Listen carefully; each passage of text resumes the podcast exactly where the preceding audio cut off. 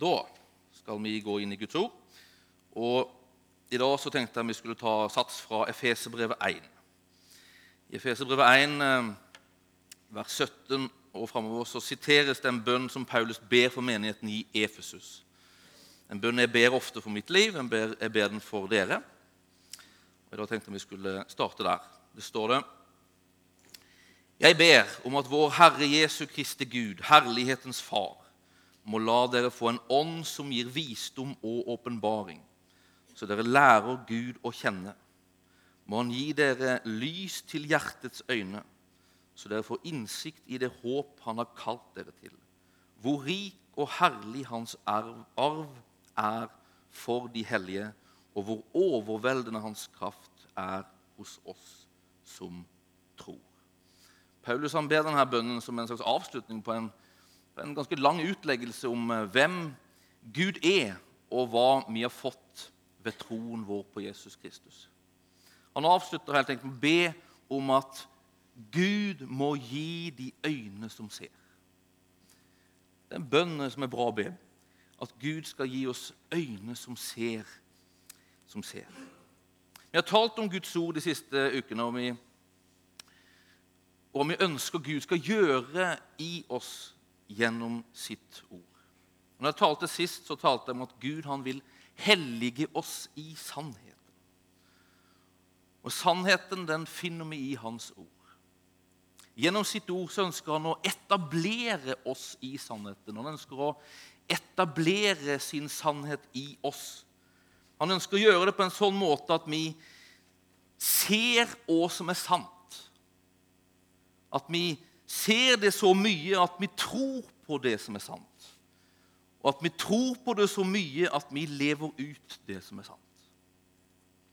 Vi prata jo om at vår sanne hensikt som kristne det er at vi er sendt av Gud til denne verden for å representere Han. Jesus han var sendt for å representere far, og han sier på samme måte så sender en av dere vi er sendt for å representere Gud i denne verden. Og I sommer så hørte jeg en predikant som sa noe som jeg tror er veldig veldig sant. Han sa at vi blir sjøl den vi tror Gud er. Vi formidler og presenterer den Gud vi ser og tror på. Og Det er jo viktig det å, å ha en rett oppfatning av Gud for å kunne formidle et rett bilde av ham. Finnes det mange eksempler på gjennom kirkas historie.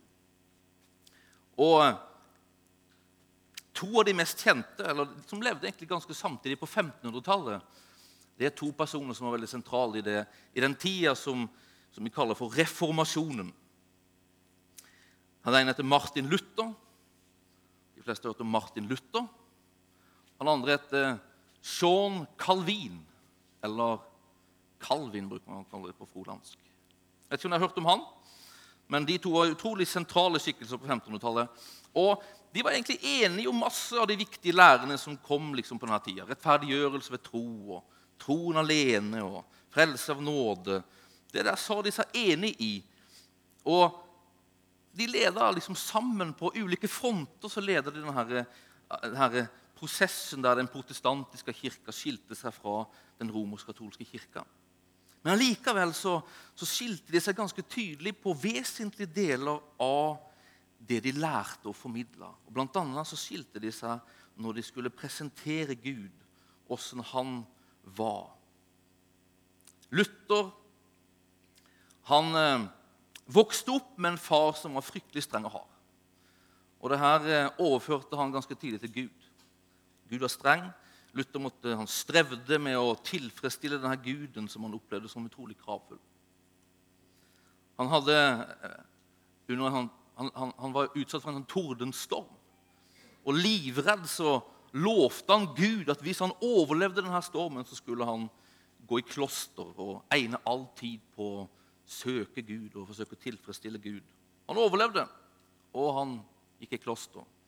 Han brukte årevis med strev og hadde en opplevelse at han ikke strakk til. Og etter mange år å forsøke å tilfredsstille Gud, så, så gjorde han et gjennombrudd i livet. Han opplevde et gjennombrudd der han oppdaga hvem Gud var. Og Luther han oppdaga det når han leste romerbrevet, og når han så de her ordene som han hadde lest mange mange, mange ganger om Guds rettferdighet, som åpenbares i evangeliet. Plutselig så, så Luther at det her som var Guds rettferdighet, det som han hadde forsøkt liksom, å streve å være liksom, rettferdig og god nok for Gud, det var noe som kom fra Gud. Fra Gud. Det var en gave som kunne tas imot til troen på Jesus Kristus. Kristus han var Guds gave. Frelsen var Guds gave, som Luther og vi kan få ta imot helt uavhengig av våre gjerninger. Luther innså det her, at uh, Gud hadde gitt oss frelsen ved bare nåde. At ikke våre gjerninger spilte inn. Luther oppdaga en Gud som var nådig. Luther oppdaga en Gud som var giver av en gave kalt frelse til hver en som tror. Og Denne oppdagelsen som Luther gjorde av hvem Gud var, den prega han. Og den prega hele liksom, den teologien hun lærer om Gud som han leverte og ga til kirka. Det bildet av Gud som dominerte for Luther, det var en barmhjertig Gud. Calvin den andre han gjorde en helt annen erfaring av Gud. Calvin han var en sånn systematiker av rang. Han var mer systematisk enn din pastor. Han var intellektuell, han var franskmann. Og han, eh, hans liksom erfaring av Gud det var en spesiell episode som, som, som, som gjorde og prega den. Det var en, en gang han var i Sveits. Han var i en by som heter Genéve. Og der møtte han på en uh, ivrig evangelist som heter Farell. Og Farell hadde hørt om Calvin og hva han gjorde for reformasjonens sak, og ville at Calvin skulle bli i Genéve og jobbe for liksom, reformasjonens sak i Genéve. Calvin han hadde andre tanker, andre ønsker. Han takka høflig nei. Men Farell han ga seg ikke. Han uh, satte liksom pekefingeren på Calvin etter en diskusjon fram og tilbake der, så sa han rett ut til Calvin hvis du nekter å gi deg til dette arbeidet, så kommer Gud til å fordømme deg. Og Det her stakk til i Calvin. Han beskriver senere som at det var en rystelse. Og han følte Gud hadde liksom sett ned på ham fra himmelen og lagt hånda si på ham. På denne måten så opplevde Calvin kallet fra Gud. Han opplevde Gud. Og det har prega Calvin og den læren som han har formidla om Gud til kirka i ettertid. For Calvin ble Gud en eneveldig hersker. Hans allmakt ble det dominerende. For Luther så var tilliten til Gud det viktigste i hans forhold til Gud. For Calvin ble det lydnad. Det var svensk, var ikke det? Lydighet. Og her har prega òg kirka etter det her. Den delen av den lutherske kirke og kristendommen er prega av luthersk syn på Gud. Den delen av kirka som er prega av Calvin, er prega av Calvins syn på Gud. Og det meste kan man si, Calvin-prega kristne du ser i dag, tror jeg det er, det er iallfall blant de, det er de som er nede i sørstaten i Amerika. Sydstatsbaptister. De som står med sånne skilt. God hates sweets. Jeg vet ikke om dere har sett dem. Det var artig når man bodde i Sverige, så plutselig så, så man på TV kristne i Amerika som satte opp skilt 'God hates sweets'. Luther er Calvins gud. Det var en gud som trua med dom. Luthers gud det var en gud som var ute etter å frelse og vise barmhjertighet. Den Gud du tror på, det er den du blir lik, og det er den Gud du presenterer for andre. Hvem er Gud for du? Har du stilt deg det spørsmålet? Hvem er Gud? Og bevisst eller ubevisst så, så går vi alle med ulike oppfatninger av hvem Gud er. Og Vi kan av og til gå med ulike oppfatninger her oppe og her. Men det fins ulike bilder som vi kan gå og bære av når det gjelder Gud. Det første bildet man kan gå av og bære på når det gjelder Gud, det er at Gud, han er ganske fjern. Det er liksom litt av det her som, som Calvin gikk med. En suveren og allmektig Gud Det er ikke noe feil med det. Altså, Bibelen prater om en suveren og allmektig Gud. Men er det selve Guds natur og vesen at han er fjern og veldig, veldig upersonlig og, og opphøyd? Er det sånn Gud ønsker å være for oss? En del går med et sånt bilde av Gud. Han er fjern, distansert og nærmest litt upersonlig. Et annet bilde som vi kan gå av når det gjelder Gud, er at Gud er dommeren. Igjen det er ikke feil.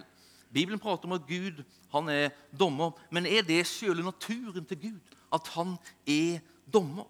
Er det det han er liksom i bunnen og grunnen? Eller er det at han er dommer, noe han gjør? Hvis Gud er dommer i sin natur, da gir det oss en Gud som er utrolig mistenksom mot ditt og mitt liv som er ute etter å ta deg, ute etter å slå liksom dommerklubba i bordet og si 'skyldig'. Ute etter å dømme, ute etter å fordømme. Eller er Gud lik eh, julenissen? Julenissen kommer jo med gaver, men han kommer bare med gaver hvis du er snill. Jeg har tenkt på det. Er Gud en Gud som kommer med gaver hvis du er snill og grei? Da får man et gudsforhold der der Gud er ganske langt borte. Nissen bor på Nordpolen. Helt til han kommer og skal gi sine gaver. Og i mellomtida så er vi opptatt av å være snille. Unngå å være slemme, sånn at gavene kan komme fra Gud. Har vi en sånn Gud? Har vi et sånt gudsforhold? Eller er Gud en mester eller en slavedriver som står med pisken? Er forholdet ditt til Gud preget av plikt? Igjen, det er ikke noe feil med bildet. Bibelen prater om at vi er kalt til å være tjenere. Og Bibelen prater om ting som, som burde være plikt for en troende å gjøre. Men er det sånn Gud er i sin natur, i bunn og grunnen? Er det sånn hans vesen er? Eller er Gud litt magisk? Er Gud som ånden i Aladdins lampe, der det bare gjelder å gnikke på en rett måte, så man kan manipulere han fram? Bare bruke de rette teknikkene gi de rette gavene, få liksom oppnå de rette fortjenestene og på den måten påvirke og manipulere Gud. Er han sånn? Er det sånn han fungerer? At vi liksom bare manipulerer rett, overtaler han rett, bruker de rette ordene og teknikkene, så kommer han. Er det et sånt bilde vi har av Gud? Er det en sånt som preger vårt forhold til ham? Åssen er Gud? Hvordan kan vi vite hvordan Gud er? At Bibelen gir oss et svar på det, og svaret er Jesus Kristus. Paulus han sier det, at Jesus han er den usynlige Guds avbilde. Og I brevbrevet så står det at sønnen Jesus Kristus han er det nøyaktige bildet. Den nøyaktige representanten for Guds vesen og natur. Det betyr, betyr ikke at Jesus på en måte viser oss hvordan Gud ser ut. Altså at Gud har skjegg eller langt hår eller hva Jesus hadde. Nei, men det betyr at Jesus viser oss Guds vesen og natur. Jesus viser oss hvordan Guds hjerte er. Hvordan forholder Gud seg til mennesker. Hvordan holdninger har han til mennesker? Jesus viser oss hvordan Guds øyne ser på mennesker. Og Jesus viser oss Guds vilje for mennesker. Jesus, han er den som gir oss svaret på åssen Gud er. Jesus, han er den som viser oss det sanne bildet av Gud. Jesus, han er den som gjør at vi ikke får tak på hvem Gud virkelig er. Åssen er da Gud for Jesus? Vet du hva? For Jesus så er Gud først og fremst far en fullkommen far. Når Jesus kommer til jorda for å vise oss en Gud er, så avslører han at Gud, han er far. Gud er hans far, og så sier han at han er vår far. For jødene på Jesu tid så hadde de et helt annet bilde av Gud. Gud var veldig fjern. Han var utrolig hellig. Han var så hellig at man kunne ikke si navnet hans. Distansert. Han var liksom skilt nesten fra, fra fra jorda, bortsett fra visse liksom, viktige hendelser i historien, så var Gud langt vekk og utrolig hellig. Så kommer Jesus, og så viser han at Gud har en sønn. Gud har en sønn. Og hvis Gud har en sønn, så må Gud være far.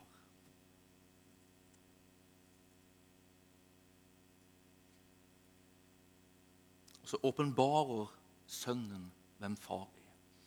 Og så inviterer Sønnen oss inn i et forhold til far som han har.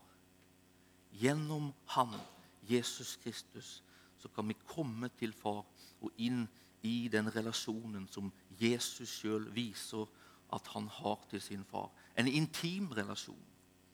Og vi inviteres inn i den relasjonen. Jesus han avslører på mange måter noe som har gått helt i glemmeboka hos mennesket. Jesus han viser oss sannheten om Gud. Jesus han viser oss den opprinnelige, sanne relasjonen som vi skulle ha til Gud, til vår himmelske Far. Dette er egentlig hva Bibelen forteller. Dette er Bibelens fortelling. Bibelen forteller nemlig om en Gud som før noen ting annet bestemte seg for at han ville ha barn.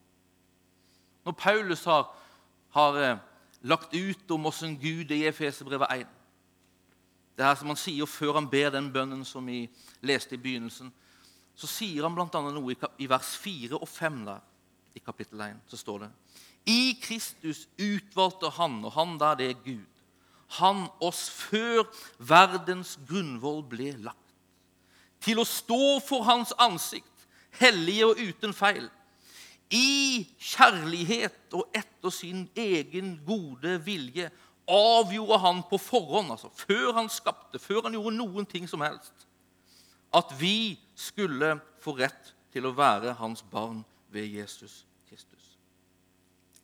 Her taler Paulus om Guds drivkraft, hjerte, før verdens grunnlov ble lagt.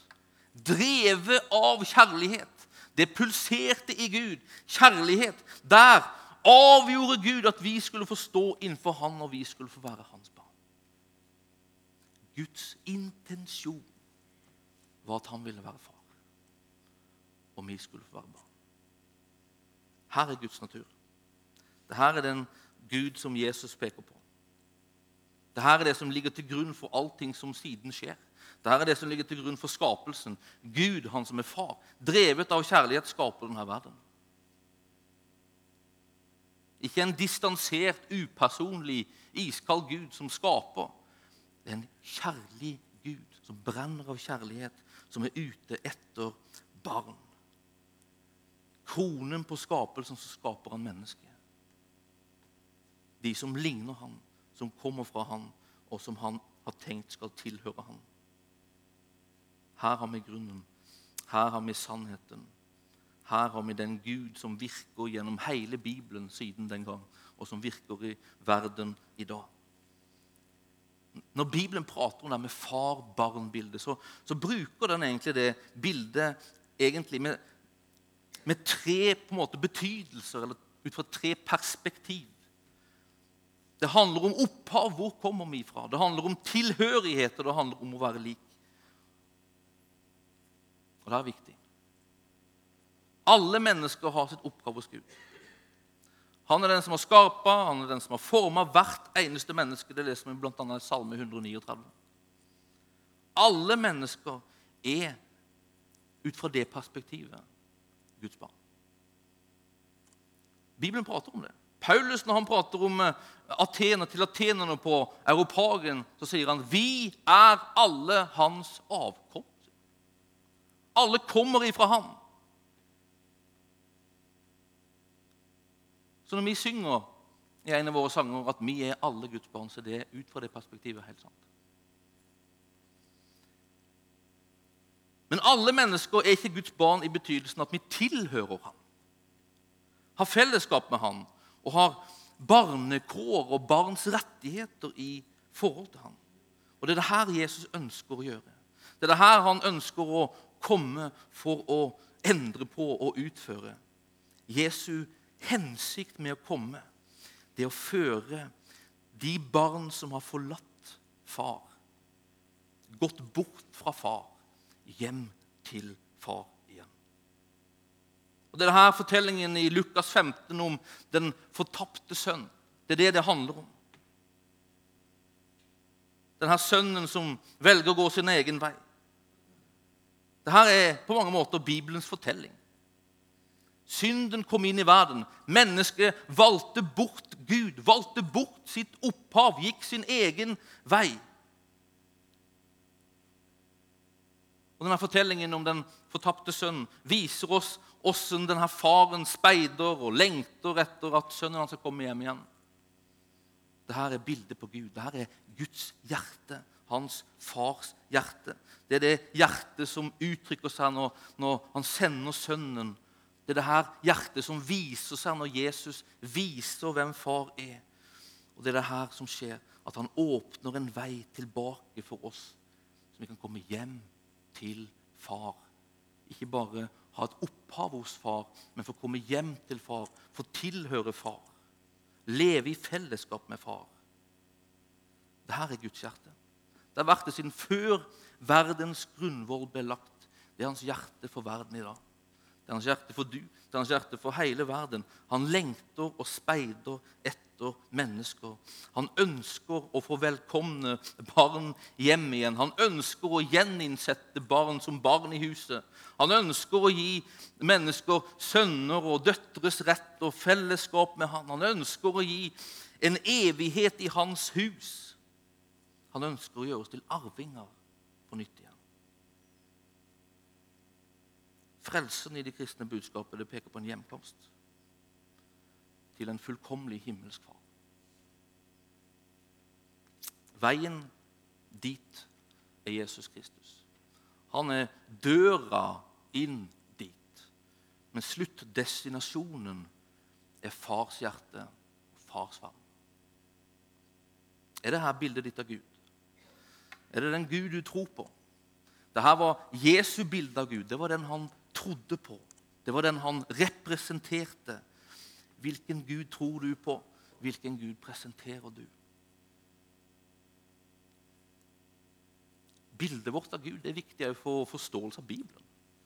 For Den Gud du tror på, den finner du der. Hvis du tror at Gud først og fremst er en dommer, så finner du han som dommer. Hvis du tror at Gud er fjern og distansert, så finner du den. Men hvis Gud for du er en fullkommen far, så finner du han i Guds ord. Og De to-tre to, siste åra så, så, har dette vært en utrolig prosess i mitt liv. Der jeg mer og mer ser at Gud i bunn og grunn først og fremst er far. Der jeg mer og mer etter mer som jeg ser det, tror det, og Jo mer jeg tror det, så håper jeg at det preger mitt liv. Preger den Gud jeg presenterer for mennesker rundt meg. Han ønsker å etablere meg i denne sannheten. Han ønsker å fylle meg med denne sannheten.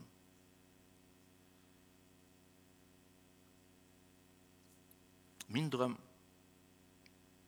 for denne menigheten er at vi mer og mer skal bli etablert i den sannheten tro den sannheten og leve ut den sannheten. Hvor er det det her hjertet Hvor er det hjertet mest åpenbart, det her fars hjerte? Det her hjertet som eh, motivert av kjærlighet lengter etter sine barn? Bibelens svar på det spørsmålet det er korset. Johannes skriver i 1. Johannes brev kapittel 4, vers 9. Og ved dette ble Guds kjærlighet åpenbart, synlig, altså, blant oss. At Gud sendte sin enbårne sønn til verden for at vi skulle leve ved ham. Paulus skriver om det. Han skriver i Romerbrevet 5. Men Gud viser sin kjærlighet til oss ved at Kristus døde for oss mens vi ennå var syndere. Og Jeg tror at det er som vi synger i en kjær sang vi synger en del her. Så dyp en kjærlighet, en fars hengivenhet. Utstilt på et kors. Så gjennomtrengende og livsforvandlende din omsorg er for meg. Du er min far, og jeg er ditt barn. På korset, i korset, gjennom korset, så uttrykker Gud sitt hjerte, sitt vesen og sine øyne. Gjennom korset så taler Gud for verden hvem han er. Gjennom korset så taler Gud hvordan han ser på menneskeheten. Korset peker på, på syndens realitet og syndens alvor, men det peker også på Guds hjerte og villighet til å gjøre noe med det og føre oss hjem igjen til ham. Korset gjør Guds hjerte synlig. Og det er den Gud som blir synlig på korset, som taler gjennom hele Bibelen. Vi leser Guds ord, er det viktig å huske det. At den som taler der, på ulike måter, i ulike situasjoner, det er alltid den Gud som har det hjertet som uttrykkes, som blir synlig på korset. Bibelen prater ikke om en Gud som er schizofren. Gud ga ikke sin sønn og viste seg på korset på en god dag. Neste dag så angrer han. Nei, det er Guds hjerte bak alt det han gjør. Når han gjennom sitt ord underviser, når han gjennom sitt ord korrigerer, når han gjennom sitt ord formaner, når han gjennom sitt ord veileder. Alt det der fins i Guds ord. Og alt det der skal vi lese, og alt det der skal vi tro på, og alt det, alt det der skal vi rette oss etter. Men hjertet bak Alt det som utgår fra hans munn, det er det hjertet som blir synlig på korset. Og Det er viktig å tenke på. Det er linsa som vi skal lese Guds ord gjennom. Det her er Gud. Det her er den Gud Jesus peker på. Det her er den Gud Jesus er sendt fra, og som han viser for verden. Det her er den Gud som du og jeg gjennom troen på Jesus Kristus får lære å kjenne. Det her er den Gud som er du er satt til side, som vi prata litt om forrige gang, for å vise denne verden og for å vise denne bygda. Bill Johnson han er en som eh, er med flere her setter veldig pris på. Han sier noe utrolig herlig og etter, ettertenkende. Må man si det? Ettertenkende. Verdt å tenke på. Altså. han, sier, han sier Evangeliet, sier han. Det er fortellingen om far som søker å vinne menneskehetens hjerte ved sin kjærlighet. Alt det andre vi gjør, tjeneste, etterfølgelse etc., etc., etc., strømmer ut fra den oppdagelsen. Så sier han noe interessant videre. Han sier vi kan reise over hele verden og forkynne evangeliet. Men uten en personlig åpenbaring av fars hjerte så bærer vi bare et budskap vi har overtatt. Vi bærer en fortelling eller budskap uten en relasjon. Dette budskapet skriver han, kan frelse mennesker fordi det er et sant budskap. Man blir frelst ved troen på Jesus Kristus. Men det fins så mye mer. Når Jesus var tolv år Jeg husker historien fra når han var på tur med foreldrene sine til Jerusalem, var i tempelet, så, så, så lærte han oss at allting handler om det far gjør og holder på med. Fars business, sier Bill Johnson. Amerikansk. vet Og det far gjør, altså hans business, det strømmer ut fra hans hjerte, skriver han. Når vi oppdager det, så finner vi både gleden og kraften i all tjeneste, nemlig hans nærvær. Hans nærvær.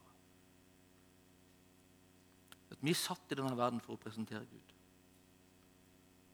Jeg tror at vi behøver å se Han som Han er, for å kunne gjøre det på en rett måte. Derfor ber jeg denne bønnen som Paulus eh, ba. Gud er en fullkommen far som søker å vinne tilbake fortapte barn. Og han sender oss for å gjøre det kjent til denne verden. Forkynne det, for å demonstrere det.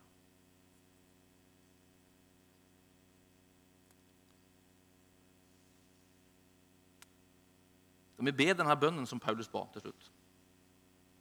Sammen. Vet ikke Stefan om du kan få opp den der? Efeserbrevet 1. 30-versjonen blir fint. Den er kraftfull og fin. Mm. Litt gammeldags språk er bra.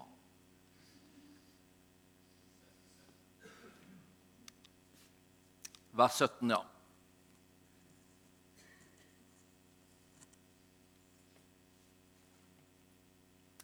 Be koret fint.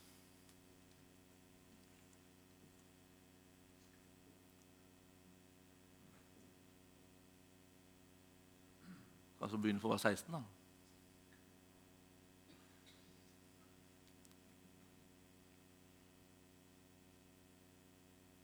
Ja, ja. Ta vers 17, da. Da må, vi, da må vi finne på noe vi legger til 'jeg ber', for det står den nyeste oversettelsen har de lagt til det. Det er jo det han gjør. Kan vi be det? Og så bytter vi ut 'eder' med 'oss'. Er du med på det? Vi prøver en gang nå. Jeg ber at vår Herre Jesu Kristi Gud, Herlighetens Fader, måtte gi oss visdoms- og åpenbaringsånd til kunnskap om seg, og gi våre hjerter oppløste øyne, så vi kan forstå hvilket håp det er Han har kalt oss til, og hvor rik på herlighet Hans arv er blant de hellige, og hvor overvettet stor Hans makt er for oss som tror, etter virksomheten av Hans veldige kraft. Litt rart, det der, altså, med det gamle språket. Jeg leser den til slutt der på, i moderne språkform. Jeg ber om at vår Herre Jesu Kristi Gud, herlighetens Far, må la oss få en ånd som gir visdom og åpenbaring, så vi lærer Gud å kjenne. Det er begynnelsen på den. Vi kan stoppe der. Jeg ber om at vår Herre Jesu Kristi Gud, herlighetens Far, må la oss få en ånd som gir visdom og åpenbaring, så vi lærer Gud å kjenne. Himmelske Far, vi takker deg at du, Herre, har det hjertet, Herre, som vi ser i Jesu Kristi liv, og som vi ser på korset. Bare ber, Herre, at vi skal få øynene våre åpna. At du skal gi oss, Herre, øyne som ser den du er. Som ser korset som det virkelig er. Ser hva det uttrykker ditt hjerte. Sånn at vi kan se du, tro du og gjøre du kjent og synlig i denne verden. Vi takker og priser deg for at du har satt oss til side for den hensikten. Nå bare ber jeg at du skal hellige oss i sannheten. At du skal etablere sannheten om hvem du er i våre liv. Sånn at vi kan leve ut vår hensikt og representere du, presentere du på en rett måte. Forvandle oss og form oss, Herre. I Jesu Kristi navn. Amen. Amen. Vi skal gå inn en stund vi tilber. Det fins forbedre, gjør det ikke det? Noen som forbedrer? Skal du stille deg der? Er det bare du, Roald? Eva òg? Ikke der står på hver sin side? Ove Grøm er veldig bra. Søster der, Eva.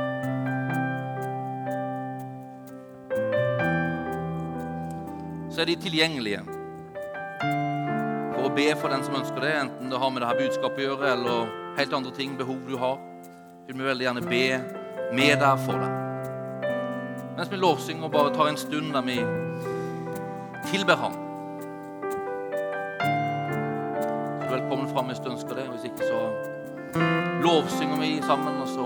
Kafeen etter hvert. Og så har vi en sånn flytende avslutning.